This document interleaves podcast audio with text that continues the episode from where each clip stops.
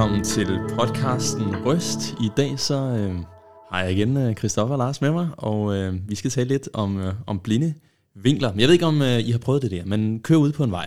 Det kunne være en motorvej, og øh, man kigger sig i sidespejlet, men der man ser ikke noget, og så øh, begynder man at, at, at dreje, og så at skifte øh, vognbane, og så lige pludselig, så, øh, så hører man lyden af en, der, der dytter voldsomt.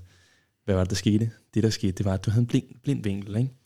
Øh, der, var, der var noget, som øh, man ikke så i det, man skiftede vognbane. Og så kan det være også som mennesker, og også som kristne, at vi har øh, nogle blinde vinkler. Noget, som, øh, som vi ikke lige øh, umiddelbart ser. I øh, Bibelen så øh, møder vi øh, to øh, former for, øh, for blindhed. Der er sådan den der grundlæggende åndelige blindhed, som vi kan have øh, som kristne. Og det handler sådan set ikke om, hvor meget vi ved om om Gud. På et tidspunkt så er der en mand, øh, som hedder Nicodemus, der kommer hen til øh, Jesus, og han øh, ved rimelig meget om Gud. Han har læst mange, er nok ikke bøger, men skriftruller ja. om, øh, om Gud. Og alligevel så siger Jesus til ham, han er åndeligt blind. Han siger, at, øh, at den, der ikke er, bliver født på ny, kan ikke se Guds rige. Øh, det er ikke den åndelige blindhed, som vi skal, skal tale om i dag. Øh, vi, vi skal tale om, øh, om en mindre form for blindhed. En blindhed, som ikke... Øh, på den måde er dødelig, men, men som øh, vi alligevel kan erfare, at vi, øh, vi har brug for, for åndens øh, hjælp, for ligesom at, at forstå øh, Guds ord øh, fuldt ud, og vi kan være begrænset af den øh, kultur og øh, ja, den, den sammenhæng, som vi, øh, vi nu er i. Øh, Christoffer og Lars, øh, jeg har været glad for, at øh, I vil være med til den her samtale, fordi så vidste jeg, at vi havde noget at tale om, øh, fordi jeg ved, I har masser af Vi har mange billeder, ja. ja det, det er et lille problem, fordi så har vi jo ikke set dem endnu. Nej, det men, det. men oplyser os endelig, Anton. har, har, kan I genkende det her med, at vi enten i vores kultur, eller vores kirkelige tradition, eller i vores, øhm, ja, i, i jeres, siger jeg nu, jeres eget liv, øhm, har nogle blindevinkler, eller nogle ting, som, øhm, som I kan være tilbøjelige til at være blinde overfor, og så indimellem, så bliver jeg måske overrasket, fordi der er nogen, der dytter, eller jeg synes jo oftest, man oplever en blind vinkel, når man... Altså, hos de andre? ja, hos de andre. Nej, men altså, en blind vinkel er jo netop blind, men man ved ikke helt, hvad det er, mm. man, man går glip af. Men når man så møder noget, der er meget anderledes, eller noget, hvor man bliver udfordret, det, det er mm. oftest der, jeg, jeg bliver opmærksom på det. Det kan være, at jeg øh, møder en anden kristen, som øh, påpeger noget, som jeg ikke har tænkt over før. Øh, jeg synes, jeg har oplevet mange blinde vinkler øh, eksponeret og, og og udfoldet, når jeg har været i udlandet. Mm. Det at møde kristne fra helt andre dele af verden, det kan virkelig øh, påpege, at okay, her er der noget, vi overser. Om jeg så overser det, fordi jeg kommer i Luthers mission, eller fordi jeg er dansker, eller, eller hvad det måtte være, det, det er lidt mm. forskelligt. men, men der synes jeg særligt, det at møde nogen, der er i en helt anden sammenhæng. Det kan virkelig... Kan, kan du nævne noget eksempel på det? Øhm, Jamen et af de gode eksempler, det var, at jeg, jeg kommer i en, i en øh, kreds i Luthers Mission, eller sådan, ja, jeg kommer ikke i folkekirken. Det betyder, at det er et missionshus? Det er et missionshus, ja. og, og der er en meget, ja, det er det missionshus. Blind vinkel, øh, skal man virkelig forklare det? Og hvad er et missionshus? ja, det, det, bliver, det, det bliver for langt Det bliver for langt et afsnit, hvis jeg skal til at forklare det. Øhm, det, det, er en kirke, så, eller, det er ikke en kirke, men de, prøver, de leger kirke. Er det ikke sådan? ja, vi, vi leger, det er bare noget, vi leger. Ja. ja. Det, det var frimindighedspræsten, den der. Ja. Anton, stop. øh, det, der er pointen, det er bare, at vi har en meget lav grad af liturgi. Altså vi har meget sådan, vi, vi kører et, et klassisk møde, vi siger velkommen, vi synger på sangen, vi har en prædiken, og, og det er sådan det mest liturgiske. Så var jeg i Tyrkiet på et tidspunkt, og, og mødte nogle, øh, nogle kristne, og de, øh, de satte ord på, at de var meget bevidste om at have noget liturgisk element i deres gudstjeneste, hvor de i den grad fik sat ord på treenigheden. Det var vigtigt mm. at få forklaret den i hver eneste gudstjeneste, og den skulle forklares rigtigt hver gang. Fordi i muslimsk sammenhæng, som de fleste tyrker er, der har man ofte en helt forkert forestilling om, hvad treenigheden er i kristen sammenhæng. De tror, at mange kristne tror på tre guder, eller hvordan misforståelsen nu er. Så for dem er det meget vigtigt at sætte ord på treenigheden hver gang. Og, og det slog mig, okay, øh, hvornår er træenigheden egentlig sidst blevet nævnt i en sammenhæng, jeg kommer i, hvor vi bryster os af, at vi er kristne, og vi tror på den treenige Gud, og så begyndte jeg at holde øje med det, og det gik op for mig, at vi kunne sagtens have fire-fem møder i streg, hvor træenigheden slet ikke blev nævnt. Mm.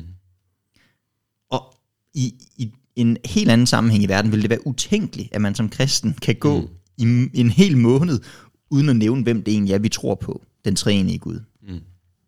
Det, det var en ret massiv blind vinkel, jeg, jeg tror, vi øh, har, har fået, i hvert fald i, i den lavkirkelige del af, af kirken, den, den del af kirken, som ikke lægger vægt på det liturgiske, som lægger vægt på, at det skal være frit, så at det skal, ja, at vi skal ikke have en masse faste formuleringer. Der risikerer vi at smide nogle ting ud. For eksempel træenigheden. Ups. Har du blindvinkler, Kristoffer? Du sidder og tænker, og, Jamen, og jeg- du, jeg kan- jeg du leder jeg- jeg efter de blinde vinkler. Jeg kan ikke komme i tanke om nogen. Altså, jeg, jeg har altid haft sådan et meget, meget godt, og, altså meget sådan holistisk, øh, meget, meget balanceret. Øh, jeg, jeg kan huske selv en, en, øh, øh, en, en, en, et tidspunkt, som, hvor jeg blev opmærksom på noget, der... Jeg, jeg lyttede øh, i en periode rigtig meget til øh, forkyndelse øh, for mange år siden øh, til øh, af en øh, amerikansk præst, der hedder John Piper, som kommer fra en øh, reformeret baptistisk sammenhæng. Og øh, øh, han betød enormt meget der i, i en periode for min øh, åndelige øh, modning. Og øh, noget, som jeg så mødte hos ham, det var en meget, meget høj tale om Guds storhed. Øh, Guds herlighed, Guds, Gud som ophøjet, Gud som almægtig og alvidende og, og alvirkende, og hvad vi nu ellers skal bruge ord på det. Og i, i mødet med ham, øh, og, og, og, og det kredsede mere og mere ind omkring øh, Guds ære, Gud som et væsen, der øh, er den eneste, der i absolut forstand er berettiget til at blive æret og tilbedt, og at det er hele skaberværkets opgave øh, at ære ham. Og, og, og over tid så begyndte jeg at se, at her er nogle ting, jeg, jeg, jeg kan se, der jeg møder i Bibelen, som han, altså, han, han tog fat i, og jeg tænkte, hvor, hvorfor, hvorfor taler vi ikke mere om det derhjemme? Hvorfor har jeg ikke hørt mere om det her før? Og, og, og det voksede meget på mig som et, et aspekt, som var overset i min personlige tro og i min menighedssammenhæng. Øhm, og så tror jeg alligevel, da jeg så øh, selv begynder at fordybe mig mere i min egen øh, sammenhæng, øh, i det lutherske, i, hos Rosenius, eller hos flere andre af de øh, store prædikanter, der sådan har været øh, i, i den tradition, jeg er, er, er rundet af, så går det op for mig, men, men jeg synes faktisk også, at det er et fremtrædende tema ret ofte der. Måske med nogle andre nuancer, måske mindre hyppigt, men, men, men trods alt et ret fremtrædende tema. Og, og, og, og det kan nogle gange gøre det lidt svært med blindvinkler. Det er øh, både, at man har dem, men nogle gange også, øh, at de er uberettigede i en eller anden forstand, at når man bliver opmærksom på, at det var en blind vinkel, så kan man begynde at, at kritisere sin egen kontekst. Øh, og, og, og, og måske er der noget at kritisere, men en del gange, så er det måske bare ens hørelse, der ikke var tunet ind til at opfange mm. det endnu. Øh, for, for, for jeg synes, jeg har læst i mange andre stykker, der faktisk handler om Guds ære, Guds storhed, og hvorfor det er så vigtigt, at, at Gud han ikke gør det alene for min skyld, men for sit navns skyld. Øh, og, og det blev en vinkel, blind vinkel, som blev åbnet for mig, og som så egentlig også kastede lys tilbage og viste, at jeg måske... Ja, så risikoen er, at man, man opdager den blinde vinkel, og så får man virkelig behov for at, at kigge i den retning, og, og måske Ja, overse, og, og kritisere alt det, man kommer ja. ud af, som, som måske faktisk ikke er berettiget. ja. Det, det, det, som I siger, det får mig til at tænke på, på, at der i hvert fald er to ting, som de her blindevinkler, de afhænger af, hvis man skulle blive lidt i metaforen. Altså, det handler både om, hvilke andre medtrafikanter der er. Så handler det også lidt om, hvordan ens eget personlige øh, sidespejl det er indstillet. Ikke? Mm. Øhm, om Ja. du er god til at kigge, ja, blandt andet. ja, Ja. ja. ja, fordi det kan godt være, at, øh, at der er noget at se, hvis man bare bruger spejlet ordentligt, eller hvad? hvad Ja, for at blive i Christoffers eksempel, der, jeg møder nogle gange, og har selv oplevet, øh, at folk siger, men det her har jeg aldrig hørt om. Mm. Hvorfor taler vi om det? Vi taler aldrig om Helligånden. Ja, og, eller sådan et eller andet. Ja. Eller øh, hvorfor hører vi ikke nok om det her? Mm. Og så er der nogen, der påpeger, at det hørte vi da om for tre søndage siden. Mm.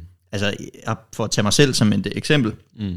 jeg kan nogle gange sidde og tænke, om det, det er da lang tid siden, vi har hørt om det her i Nansensgade, hvor jeg kommer. Mm. Men jeg er øh, tæt på at være månedens gæst. Altså, jeg, jeg er meget ofte selv ude at prædike, så hvis man spurgte mig, har I en god forkyndelse i Nansensgade all round, mm. øh, så må jeg sige, jamen når jeg er der, synes jeg, den er god. Men jeg er der så sjældent, at jeg vil ikke kunne give et sammenhængende overblik over, hvad vi forkynder om i Nansensgade, for jeg er der simpelthen ikke nok. Der skal man spørge nogle af dem, der er der hver gang. Og på samme måde kan der være nogen, som er rigtig dårlige lytter. Altså ikke med vilje, men de er bare ikke gode til at lytte. Så hvis man spørger dem, hvad, hvad, hvad handlede prædiken om i dag på vej hjem i bilen, eller hvor det er, man møder folk, så kan de simpelthen ikke gengive det. Mm. Og igen, det, sådan er vi forskellige, og det er måske også fair nok, at alle ikke kan gengive en prædiken, men det skal man også være opmærksom på, når man sidder og tænker, hører jeg nogensinde om det her? Det, det kan være, at du gør det, du er bare ikke opmærksom på det. Mm. Det, det tror jeg er en vigtig del. Men dine to eksempler, det er de andre trafikanter, og hvad sagde du, sidespejlets... Øh... Ja, altså hvordan ens personlige sidespejl er, indstillet. Det kan jo Ja. både være, hvad der har, altså ens eget personlige liv, hvad det er, der har formet Ja. ja. øh, det. Det ved jeg ikke, om jeg har tænkt så meget over, øh, for, jeg, for jeg er noget. Øh, det, det kan jo også være det, som vi er inde på nu, altså med den, vores egen øh, kirkelige øh, tradition. Øh, jeg synes, det er meget rammende, øh, det du siger, øh, Lars, det der med, at, at, at det også kan have noget at gøre med nogle gange vores egen opfattelse af vores egen tradition. Øh, her for ikke så længe siden, så... Øh, Øh, vi, har, vi har lige været på, på menighedslejr øh, med hele året frivillighed, og øh, havde lidt om, om nådegaver, og øh, lige netop med det tema nådegaver, der har jeg oplevet det, som du, øh, du siger, øh, Lars, der med, at øh, hvorfor hører vi aldrig noget om det? og øh, og jeg, jeg tror simpelthen, det har noget at gøre med selvforståelsen i, i vores sådan, øh, ja, vores, øh, hvad skal man kalde det, bibeltro, missionske, lutherske øh, sammenhæng at, øh, at vi tænker, at det der med nådegaver, det er noget, som de er virkelig gode til i Pinsekirken og i alle de der frikirker og sådan noget. Et, et, form for mindreværdskompleks. Ja, vi har åndelig Ja, mindre, ja. mindreværdskomplekser, og, og øh, det pudsige er, at vi vi har jo ikke nogen grund til at gøre det. Altså, øh, noget, noget af det, som øh, jeg har tænkt lidt over her på det sidste, det er øh, Christian Møller, som stiftede øh, Luthersk Mission, og ikke fordi, det skal handle meget om ham, men, men allerede i, øh, jeg tror det er 1885, øh, 1884, allerede øh, inden Pinsekirken den bliver stiftet, jamen så, øh, så skriver han om, øh, om lige netop øh, øh, altså nådegaver. Han, han siger, at vi skal lægge mere vægt på øh, og, og, og have en åbenhed over for øh, helbredelse ved bøn og sådan noget der, øh, og håndspålæggelse. Øh, så det er jo ikke fordi, at de der ting ikke har eksisteret i vores øh, tradition. Alligevel så tænker vi, ah, det er noget, vi ikke er så gode til. Øh, det kan der måske være lidt forskellige forklaringer på. Men, øh, og der kan jo være en praksis, som er sværere end en teoretisk bevidsthed, Ja, så, som der kan være noget af. Og, og samtidig så har jeg, lige præcis med det eksempel, har jeg nok samme oplevelse af, at øh, jeg synes, at jeg har hørt rigtig, rigtig meget om nådegaver ja. Ja. i, i min øh, tid i LM. Mere end om mere centrale emner. Mm. Mm. Jeg, jeg tror, jeg har Og- fået en og- og bedre du- forståelse for nådegaverne, end for, hvordan træenigheden fungerer, for eksempel. Tror du, det handler om, at, øh, at vi prøver at korrigere? Altså, at vi, så er vi blevet bevidste om, at det her det er en potentiel blind vinkel, og så skal vi bare kigge i det der sidespejl. Ja, det er da en mulig forklaring. det er da en mulig forklaring, ja. En overkompensation, som øh, Christoffer indledte med, øh, at man øh, fokuserer rigtig meget på det, men det, det, det, det, nogle gange tror jeg også noget, det handler om praksis. Mm. Når noget er praksisnært, så har vi behov for oftere at tage det op, fordi at det er noget, der betyder noget, og det. Mm. betyder noget for, hvordan folk ser på sig selv. Jeg, jeg tror jo, at det at tale om nådegaver kan være med til at fremme frimodighed og lyst til tjeneste i menigheden, og så tager vi det ofte op. Og det, det er tæt på folks liv, øh, hvor andre emner kan måske være mindst lige så vigtige, men de er ret langt væk. For, for nu at komme med øh, blind vinkel igen. Jeg har meget sjældent i LM hørt om, øh, om afgudsofferkød og øh, det sataniske på en meget konkret måde, eller hvordan skal vi forholde os til andre religioners styrkelse af et eller andet. Det, det er jo i høj grad aktuelt, og vi møder det en gang imellem, når folk lige diskuterer yoga, eller hvis de diskuterer Halloween, hvordan skal vi forholde Altså den slags, der kommer det op. Men ellers er det jo ikke noget, der fylder. Spiser du ofte August offerkød? Men det gør jeg da. Jeg spiser da halal øh, slagtet kylling ind ad en kant. Mm. Men det er ikke noget, vi har undervist ret meget om. Hvordan skal vi forholde os til det? I andre sammenhænge, Tanzania, for nu at tage et, et land, hvor jeg vokset op i, der taler de jo om det dæmoniske og det sataniske hele tiden. Mm. Fordi det fylder enormt meget. I muslimsk sammenhæng vil en konvertit altid skulle forholde sig til, hvordan skal jeg forholde mig til halalkød osv. Og, og der kan der være noget, som, hvor praksis og det, vi oplever som vigtigt for os selv, kommer til at bestemme nærmest hele horisonten.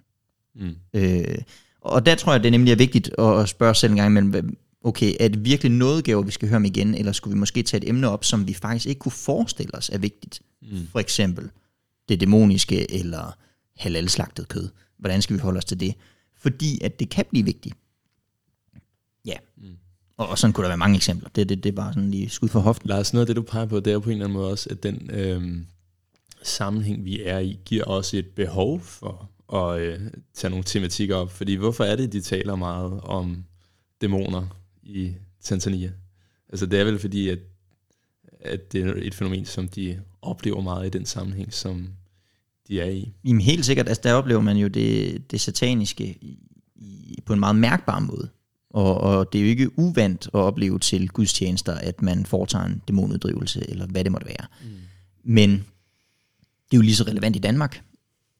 det, ja, det, du, tænker, det, du tænker, altså det du prøver at sige, det er, at, at ånden, eller hvad skal man sige, uh, satan han kan stadig det er jo, lave uh, Ja, altså vi befinder os i en åndskamp, ja. øh, og vi, vi er bare ikke særlig gode til at, at opfatte os selv. Altså mm. i, i praksis tror jeg ofte, vi i en dansk sammenhæng er funktionelle ateister. Ja. Altså vi er kristne om søndagen, og vi ved, det er sindssygt vigtigt, så læser vi nyhederne, og vi øh, forholder os til vores hverdag, og der, der er Gud på en eller anden måde helt ude af ligningen. Mm.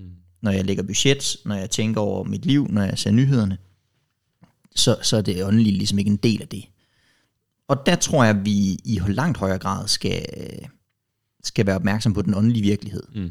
Der er en åndelig virkelighed. Ja, jeg kom til at tænke på to eksempler, øh, som understøtter lige præcis det, du siger, det der med vores blindhed over for den åndelige virkelighed. Øh, nu, nu nævnte jeg, at jeg lige havde, ja, vi, vi lige havde haft en mindeslejr om, om nådegaver, og øh, ja, der, der, der gik det bare op for mig, at jeg er tilbøjelig til at skelne mellem de øh, almindelige nådegaver og de ekstraordinære nådegaver, så ved jeg ikke, om I kan regne ud, øh, hvad det er. Øh, altså det der er ekstraordinært, det er sådan noget som... Juretjeneste. Øh, nej, det er det ikke. og det er heller ikke det der med, at der er en, der stiller sig op og prædiker. Øh, øh, Nej, det, var, det er simpelthen sådan noget, det er ekstraordinært, det, det der med tungetale, eller helbredelse ved bøn, eller ja, hvad det er, som, som Bibelen ellers øh, taler om. Noget, noget, som jeg kan komme til at gøre noget, noget ekstra ud af at sige, det her, det, i og med at det måske ikke er noget, hvor man bruger, øh, hvad skal man sige, de naturlige anlæg, man øh, har fået fra skaberens hånd, øh, så virker det som noget særligt åndeligt, ikke? Mm. Kan I følge det, at, ja, ja. at der, der er en forskel på det? Øh, det andet eksempel, det var... Øh, Øh, det, var, det var faktisk øh, her i, i foråret, jeg læste lidt om, øh, om opstandelsen, og, og det var faktisk en, øh, ja, en, en god bibelteolog, som, som skriver det her, hvor at han så beskriver, at Gud han gør noget overnaturligt. Og, og, og så tænker jeg, jamen noget overnaturligt, altså, så vi skal skille mellem, hvad der er naturligt, som har naturlige årsager, som vi kan måle og, og veje, og, og, og hvad der så er uden for det. Hvad, hvad nu vi, vi siger, det er Gud, som handler ved opstandelsen, er det så ikke naturligt for ham at kunne vække Jesus til live igen. Han er den, der er herre over liv og død. Og, og der gik det bare for mig, jamen, øh, eller jeg stod bare at han opererede med en, en skælden, som jeg også kommer til at operere med, men, men som jo på en eller anden måde også øh, kan afspejle sådan, øh, det, man kunne kalde et naturalistisk verdensbillede. Mm. Altså, øh, at, at der kun er det i tilværelsen, som vi netop kan, kan måle og veje. Og det er jo bare ikke hele billedet, når man øh, ser øh, på det kristne set. Kan I følge det? Ja, i høj grad. Du tøver lidt, Christoffer. Ja, det, det er både fordi, jeg synes, det, det er jo en meningsfuld skælden, fordi ja. at det, den, den knytter til ved, mm. Altså en, nogle lovmæssigheder, Gud han har underlagt verden mm. i sin regelmæssige måde at opretholde verden mm. på, og så derfor giver det mening, og så samtidig, så, så kan jeg godt forstå den blinde vinkel, du, du i tale sætter. Tror du ikke alligevel, at de her skæld, altså sådan en skældning kan være med til at forme vores opfattelse af verden? Det er jo derfor, vi synger bordvers. Du mm. føder, og du klæder, du plejer mig så vel. Altså, øh, det, er jo, det er en proklamation hver eneste frokost her på LMH, at vi tror, vi kan godt forklare, hvordan øh, vi spiser altid lækker mad på LMH. Lige et øh, lille øh, øh, pip herfra, ikke også? Men altså, øh, den, jeg den, 10 kilo på det, ikke? Ved ikke det? Præcis. øh, det kan have alle mulige andre grunde, Anton. Ja, okay. men, men, Ej, jeg vil ikke gøre køkkenet ansvarlig for det. øh, pointen er at sige, øh, jeg kan forklare, hvorfor der er øh, den, den, den dejlige menu foran mig. Altså, på alle mulige naturlige processer, øh, køkkenet og landmanden og øh, biologien. Men det er også en trosbekendelse at sige, jeg tror maden, der står foran mig her, er en gave fra Gud, som både har givet køkkenpersonalet liv og evner, og øh, landmanden liv og evner, og øh, formet jorden og biologiens processer, så, så det frembringer, og, og helt, kon- helt konkret har ledt processen, så han viser hans godhed i dag mod mig i spisesalen. Så du bekender hver, faktisk hver dag, når du spiser, at, øh, at der ikke er noget skæld mellem det naturlige og det overnaturlige? Ja, eller at Gud han bruger Mm. det naturlige på en overnaturlig Ja, måde til præcis. at... Og det er jo det, der er Det interessante ved, ved det eksempel, det er jo, at vi, vi har det hver eneste dag. Den der tak, altså, jeg møder jo rigtig tit nogen, der siger, jeg er blevet så taknemmelig, efter jeg har været ude at rejse og set fattigdom, så er jeg blevet taknemmelig for det, jeg har i Danmark, eller hvad det måtte være. Hvor, hvor de ser det jo hver eneste dag, og vi beder øh, mange af os øh, før hver eneste måltid, og alligevel så kommer der sådan en, wow, det var en blind vinkel. Altså selvom jeg gjorde det, praktiserede det, mm. tænkte på det, bad om det, så var det som om det fik en, en helt fornyet betydning. Og, og det er jo også en del af det her, at man, man jo egentlig er, har noget integreret i sit liv, men som man bare ikke på en eller anden måde har sat pris nok på, eller forstået dybt nok. Jeg kunne have lyst til at, øh, at pege på nogle øh, andre blinde- blindevinkler. Nu taler vi det her med om, om blindevinkler inden for vores kultur. Vi har talt lidt om det her med øh, det overnaturlige blandt andet. Og øh, så kom jeg til at tænke på en episode. Øh, det var faktisk, øh, da Mathilde og jeg, vi var på bryllupsrejse. Øh, vi var, ja, Uha. Saftigt. vi, ja, men, ja, altså, ja, vi, vi var i London. og øh, så sidder vi, vi går i kirke i øh, en anglikansk kirke, der hedder øh, All Souls Church, kan Det er virkelig en bryllupsrejse, der vil noget, Anton. Jeg forventede intet mindre af dig. Ved I, hvem der er prædikant den søndag? Øh, nej, Intet mindre end øh, Don Carson. Det er jo et scoop. det er et scoop. Altså, Altså, ja, det må øh, man sige. Altså for en, der er evangelisk og bibeltro kristen, ikke? så det svarer næsten til at møde paven, ikke? Han vil- Han ville blive så vred, hvis han hørte dig sidde og sige det, vil der. jeg. Jeg, jeg snakker med ham efterfølgende, faktisk. og det er faktisk, okay, det er faktisk en episode, jeg... Fik, fik du hans autograf? Nej, det gjorde jeg ikke. Jeg, det er faktisk en episode, jeg, jeg tænker tilbage på flere gange, fordi jeg, jeg fik stillet et eller andet dumt spørgsmål til prædiken, og i stedet for, så tror jeg egentlig bare gerne, jeg ville have sagt tak for nogle af hans bøger. Øh, nå, men okay, det, det jeg ville sige, det var, at øh, øh, der, i den forbindelse, så blev han øh, stillet et spørgsmål, nemlig, øh, ja, hvad er den øh, største udfordring, som kirken i Vesten står overfor? Og øh, det han svarede, det, øh, det har jeg bare studset over mange gange øh, siden. Han, han pegede på, på to tendenser, nemlig individualisme og materialisme. Og øh, jeg tænker på en eller anden måde også, at det kan være ja, lidt i familie med det her tema om, om blinde vinkler. Altså øh, noget, som går ind og, øh, og præger vores øh, tro øh, i en grad, som er ret øh, voldsom, men som vi ikke altid ser. Øh, jeg, ved, jeg ved ikke, om I har tænkt over, at lige netop de her ting, individualisme og materialisme, er noget, der, der præger I kirken. høj grad, ja. Og så tror jeg medfølgende med det, at vi, øh, vi er blevet sekulære. Altså, mm. og hvad, det, hvad der så er årsagen til det, det, det er der nok mange grunde til, men, men vi har på en eller anden måde fået skilt troen ud fra vores levede liv. Og vi, øh, jeg tror mange af os skammer sig. Ikke øh, sådan, altså vi tør godt stå ved det øh, mm. for, på sin vis, men i det øjeblik, man står i, i en sammenhæng, hvor ingen andre tror på det, vi tror på, så tror jeg, mange har en oplevelse af, at de synes, det er lidt pinligt, mm. og de er lidt bange for at sætte ord på det, og de, øh, de er bange for, hvordan folk tænker. For, for at komme med et eksempel på det, for en del år siden, så var jeg øh, i et udvalg, der kiggede på forskellige ting, og vi mødtes altid i et, i et offentligt rum, hvor vi skulle tale om øh, noget kristen arbejde. Og så spiste vi noget. Og øh, der var der en af gangene, hvor, øh, hvor vi kom til at sidde meget tæt på nogle andre, og der var ikke nogen, der gik i gang med at bede for maden. Folk gik bare i gang med at spise, Og det plejede ikke gøre noget. og vi plejede at bede. Ja. Og for de andre gange, der sad folk længere væk. Mm. Men den her gang, der sad der nogen lige ved siden af, og så var der ikke mm. nogen, der bad. Og jeg tænkte over det, og på vej hjem, så tænkte jeg, det skal bare være løgn. Mm. Så jeg prøver hver gang jeg er ude og spise, uanset om det er på en restaurant eller hvor jeg er, så prøver jeg at bede for maden. Mm. Fordi det, det er jo et udtryk for en dyb sekularisering, at jeg som et troende menneske, der ønsker at takke Gud for mm. alt, hvad han giver mig, lad være, bare fordi der sidder nogen lige ved siden af, der ikke tror Ja. ja. på det. Så vi Og sekulariserer os selv. Vi sekulariserer os selv, og, vi, og det gør jo også, at sekulariseringen bliver forstærket i og med, at dem, der sidder ved siden af, de fik ikke muligheden for det. For en del øh, år siden også i sammenhæng med, med det her, der så jeg et tv-program med en dansk øh, tv-verden, nu har jeg faktisk glemt, hvem det var. Han var i USA, mm. og så siger han i, i det her program, det er første gang, jeg nogensinde har prøvet sådan noget weird noget. Folk sidder bare og beder, inden de skal spise. Mm. Og så tænker jeg, det skal være løgn. Han bor sikkert i København. Han skal have muligheden for, at jeg sidder på en restaurant og beder for min mad. Så han tænker, okay, det findes også i Danmark. Mm. Altså, det, der, der er noget der, hvor vi øh, sekulariserer os selv, og mm. øh, om det er så materialisme eller individualisme, eller hvad det er, men, men det er i hvert fald... Jeg kunne aldrig nogen, jeg kan simpelthen ikke forestille mig en kristen fra Afrika ikke bede for maden. Og who cares, hvem der lytter.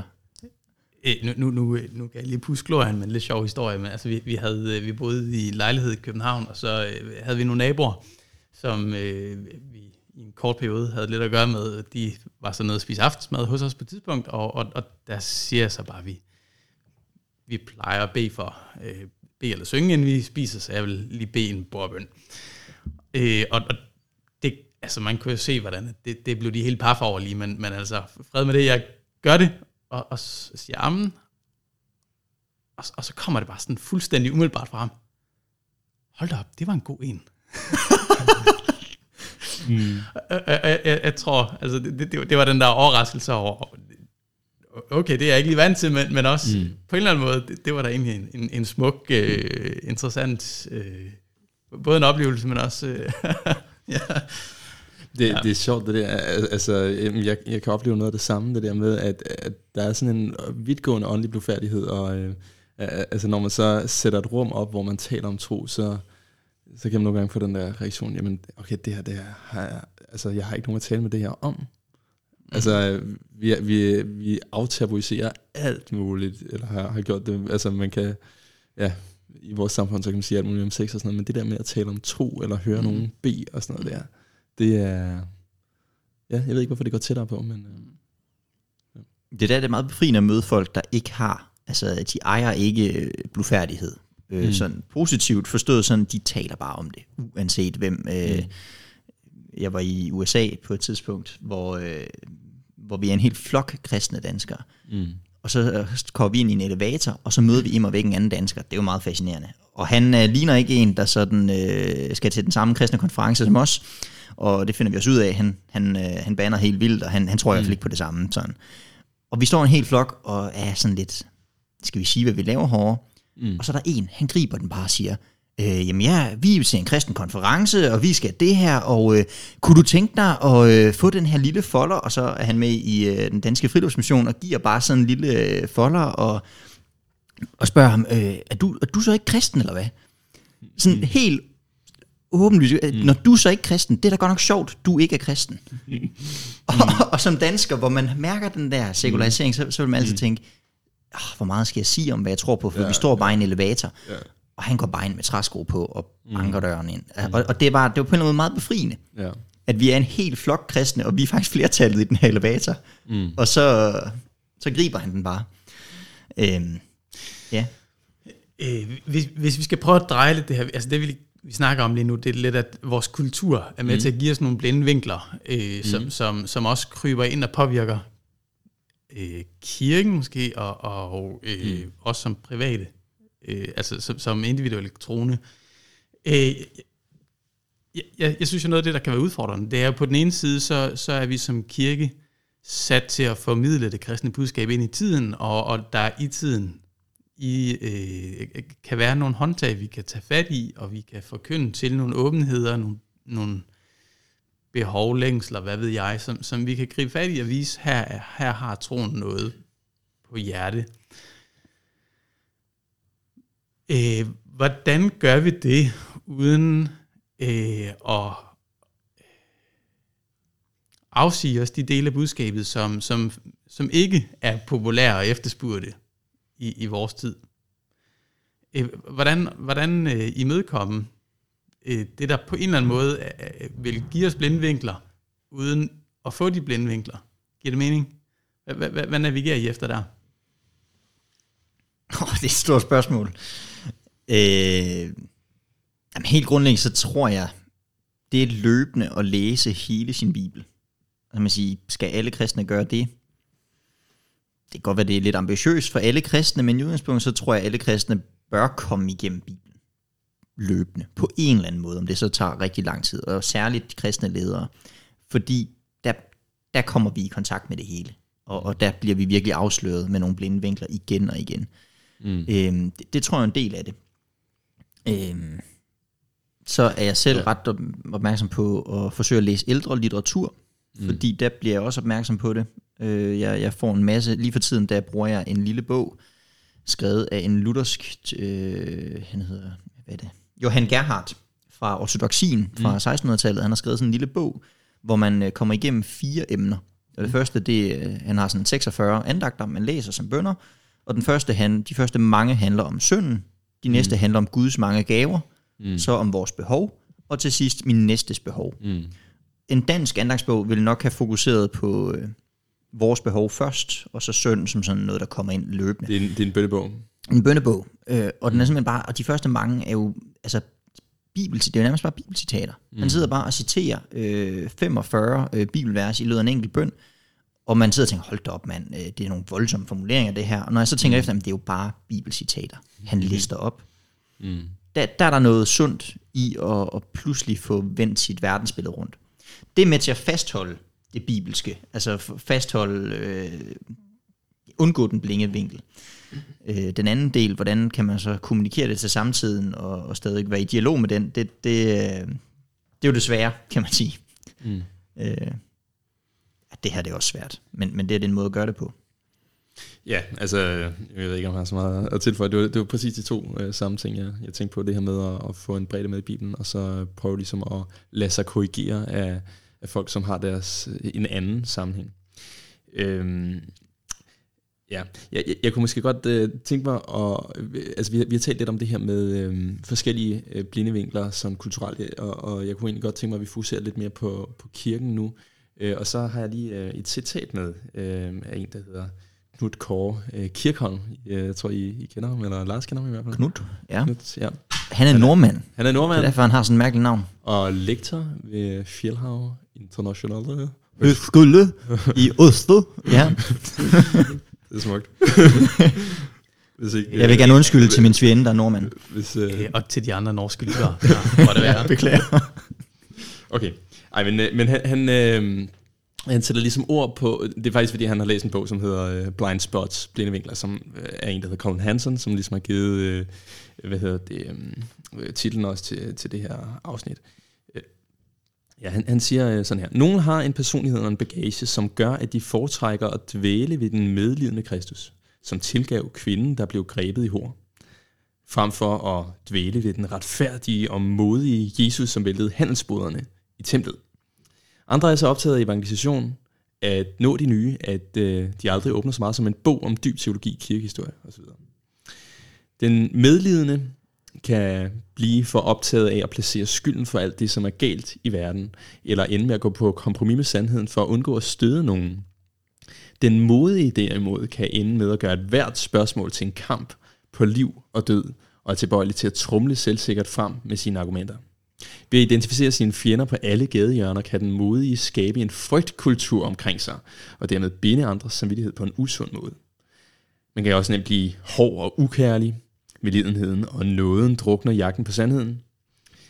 Den dedikerede kan blive så ivrig i jagten på at finde muligheder for at nå ikke-troende, at han ender med at indgå alliancer med kulturen, som mere ligner synkretisme, altså religionsplaneri, end kontekstualisering, det at målrette budskabet til en bestemt sammenhæng. Forkyndelsen den kan blive mere terapeutisk end evangelisk, og kirken kommer til at ligne et åndeligt indkøbscenter. Når, når jeg nævner det her, så er det fordi, jeg, jeg synes, det er meget fint, det der med, at der er øh, sådan en at han opstiller sådan tre forskellige typer af, af faldgrupper, som vi kan have i kirken, for, for lige at opsummere det. Altså han nævner øh, den medlidende person, øh, der hvor skylden den ligesom skal placeres et sted, hvor man ikke ønsker at støde nogen. Så øh, nævner han den modige.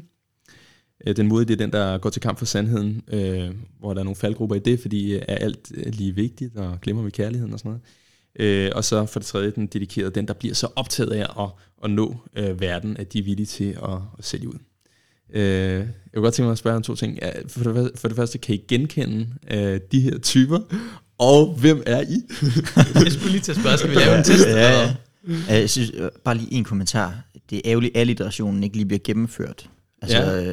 den, den øh, medlidende, den modige, så kunne den sidste godt have heddet den målrettede, i stedet for den dedikerede. Ja, okay. Ja, altså det, Colin Hansens, det er jo, det er jo tre C'er. Ja, Compassionate, uh, com, uh, courageous, courageous og commissioned. Ja, der ja, kunne man godt lige have... Ja. ja. Men man kan ikke forvente så meget mere end nordmand. Nej. Ej, nu stopper jeg. Nej, jeg stopper. Jeg stopper nu. Jeg stopper nu. jeg kan godt mærke, efter det her afsnit, så lytter til for Norge. De, ja, øh, den, de mange, mange norske lyttere, vi har. Al, al omtale er god vi, vi, vi går fra to lytter til en. Eller ja. ja. Vi, vi fik et spørgsmål. Ja, det er faktisk, altså jeg har indtryk af, at det var for at undgå at, at svare Ja, det var på, for at undgå at svare på det. Men vi kan svare helt kort på, ja, jeg kan sagtens genkende typerne. Ja. Ja, skal vi sige det sådan? Øh, jeg, jeg, mm, der er jo nogen, du meget nemt kan placere det hos, hvor det er meget eksplicit mm. nummer 1, 2 eller 3. Og så er der nok mange af os, der i forskellige sammenhænge, i forskellige mm. kontekster, kan, kan antage øh, og, og fristes til at tage lidt forskellige Mm. øh, at, at, at personerne, eller hvad vi skal kalde det på os, Mm. øh, og ek- eksemplificere dem. Øh, jeg, jeg, jeg tænker, det i udgangspunktet er en ret god øh, gengivelse af øh, tre fristelser eller faldgrupper for kirken. Øh, mm, der, der er jo noget kunstigt stillet op over det, men, men, men som sådan en framework, som ramme til at, Mm. til at prøve at forstå, hvad er vores udfordring og fristelse, og, og til at prøve at tænke, hvad er min udfordring og fristelse, mm. synes jeg sådan set, den, den er ret konstruktiv. Øhm, så er der også noget, der kan handle om personlighed og kirkesammenhæng. Mm. Øh, altså, hvor, hvor, hvor man kan tale om de tre niveauer på både øh, kirkeniveau og person, øh, enkeltpersonsniveau. Øh, og der vil bestemte kirker træ, tiltrække bestemte personer, mm. men du kan godt være i en menighedssammenhæng, hvor du egentlig stikker lidt ud.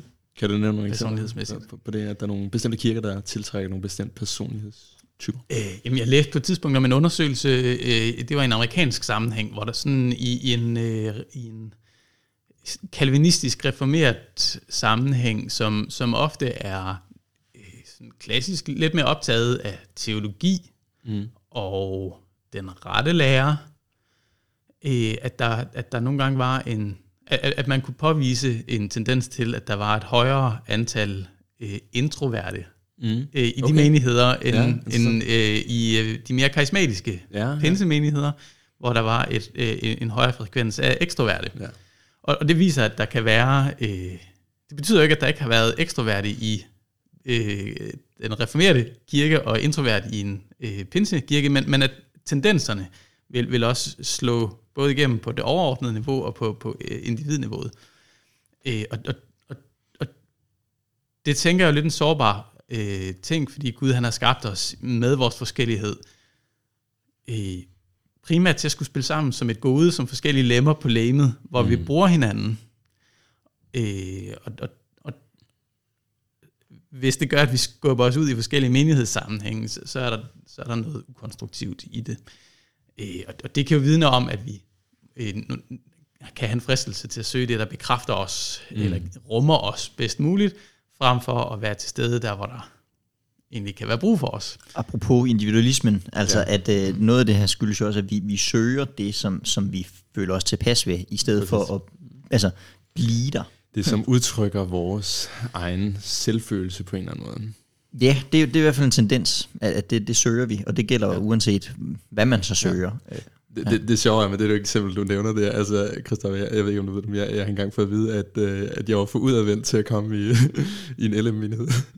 Du er for udadvendt. Ja, det, det, det fik jeg at vide af en, altså, ja. det var sådan lidt øh, i sjov, at han synes bare ikke, jeg, altså, jeg passede bare ikke ind i det der fordi det, øh, og, og jeg, nu, nu tror jeg, at det kan måske, jeg, jeg ved ikke, om det er egentlig et mønster, men det, det tror jeg måske, det var lige, det, det kunne det måske godt være i den menighed, øh, hvor at, øh, måske stak jeg lidt ud, det ved jeg ikke. Men, men øh, ja, interessant. Det, det er jo klart, det bliver, det bliver også stærkere i, i en tid, hvor der er en stor social mobilitet. Ja, Øh, hvis du nu boede i en by, hvor der kun var en kirke, men så, så havde du ikke så mange valgmuligheder. mm. Øh, eller hvis der var lav social mobilitet i en, i en, by, hvor der er et par menigheder, du, du, du, du skift, altså, så er det virkelig radikalt, hvis du skiftede fra den ene til den anden.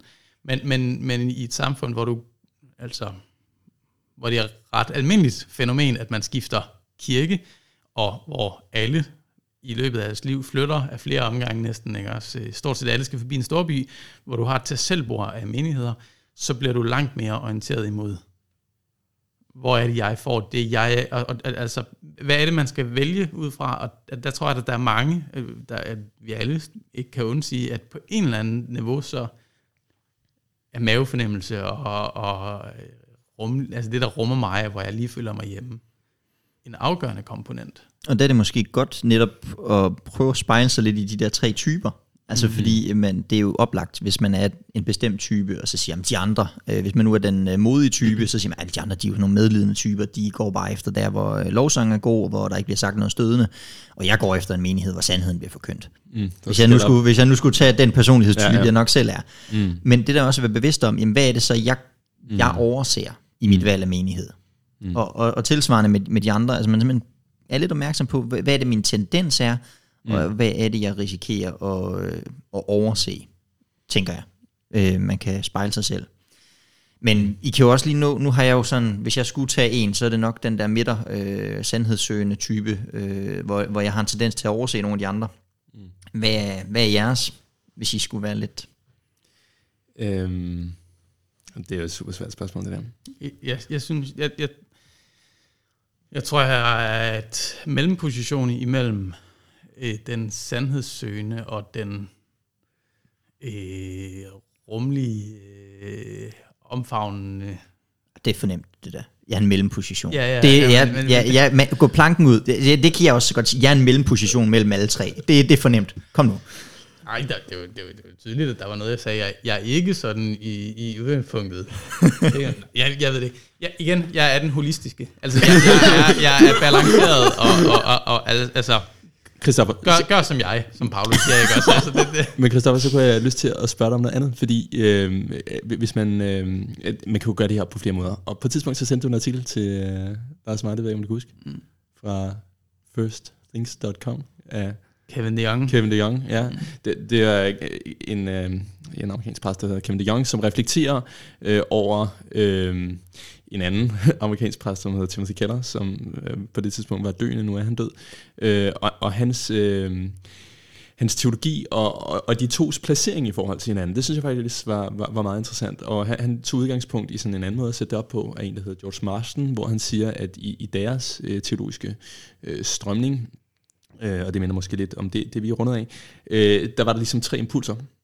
Der, der var nogen, der ligesom var optaget, havde en, øh, altså han, skiller mellem det, han kalder en, øh, en øh, doctrinalist, en øh, pietist og en øh, culturalist øh, position. Altså en, en som En, der er fokuseret på det lærermæssige. Præcis, en, der er optaget af at, ja. at sætte læreren først. Altså ja. det vigtigste, det er, at læreren er rigtig, og hvis den er rigtig, jamen så, så bliver alt det andet også øh, rigtigt.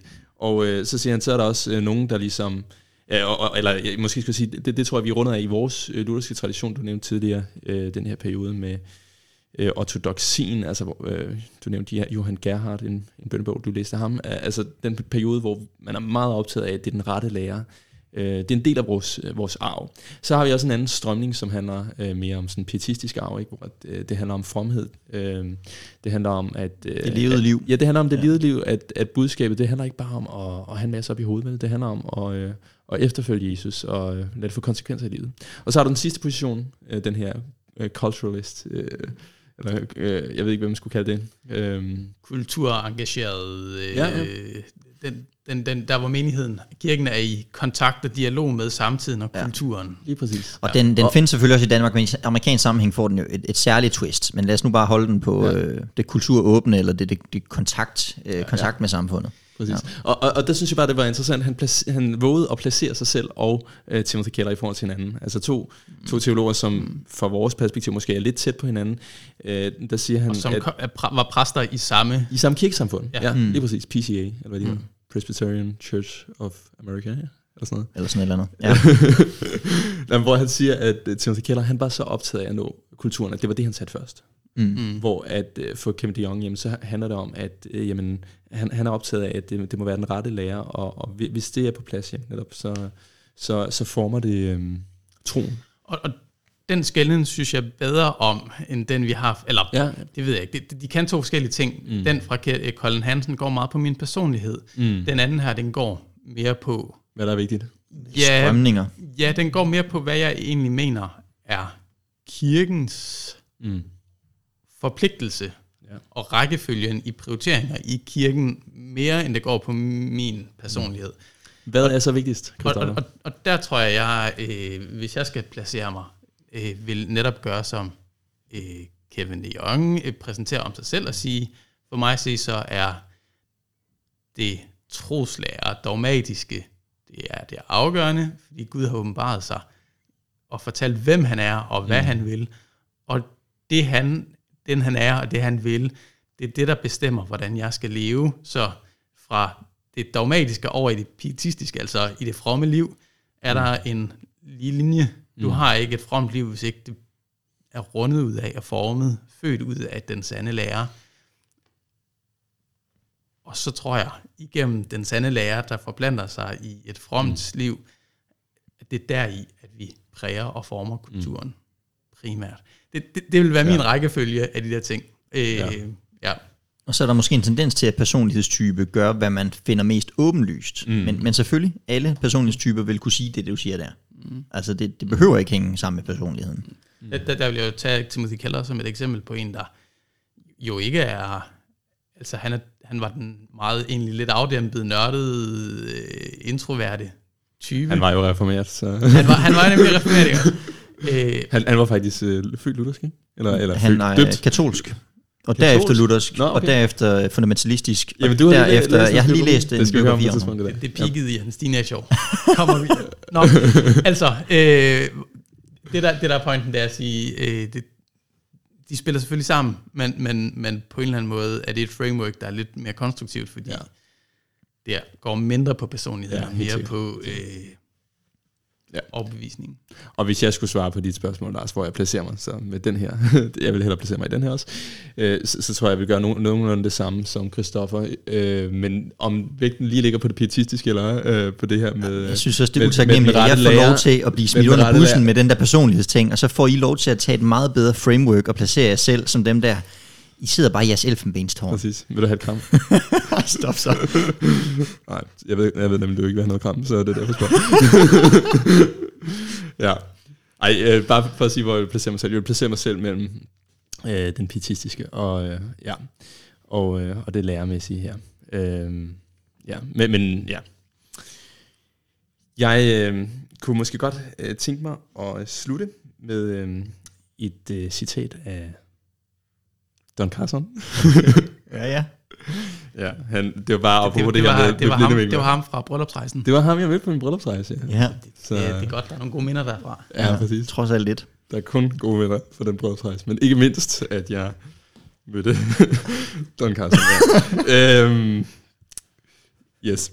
Han, han, han siger øh, i stedet, nogle ting er sort-hvide, og de skal ikke have fodnoter. Andre ting er komplicerede, og de skal ikke forsimples. Men bibelsk visdom er at lære at skille.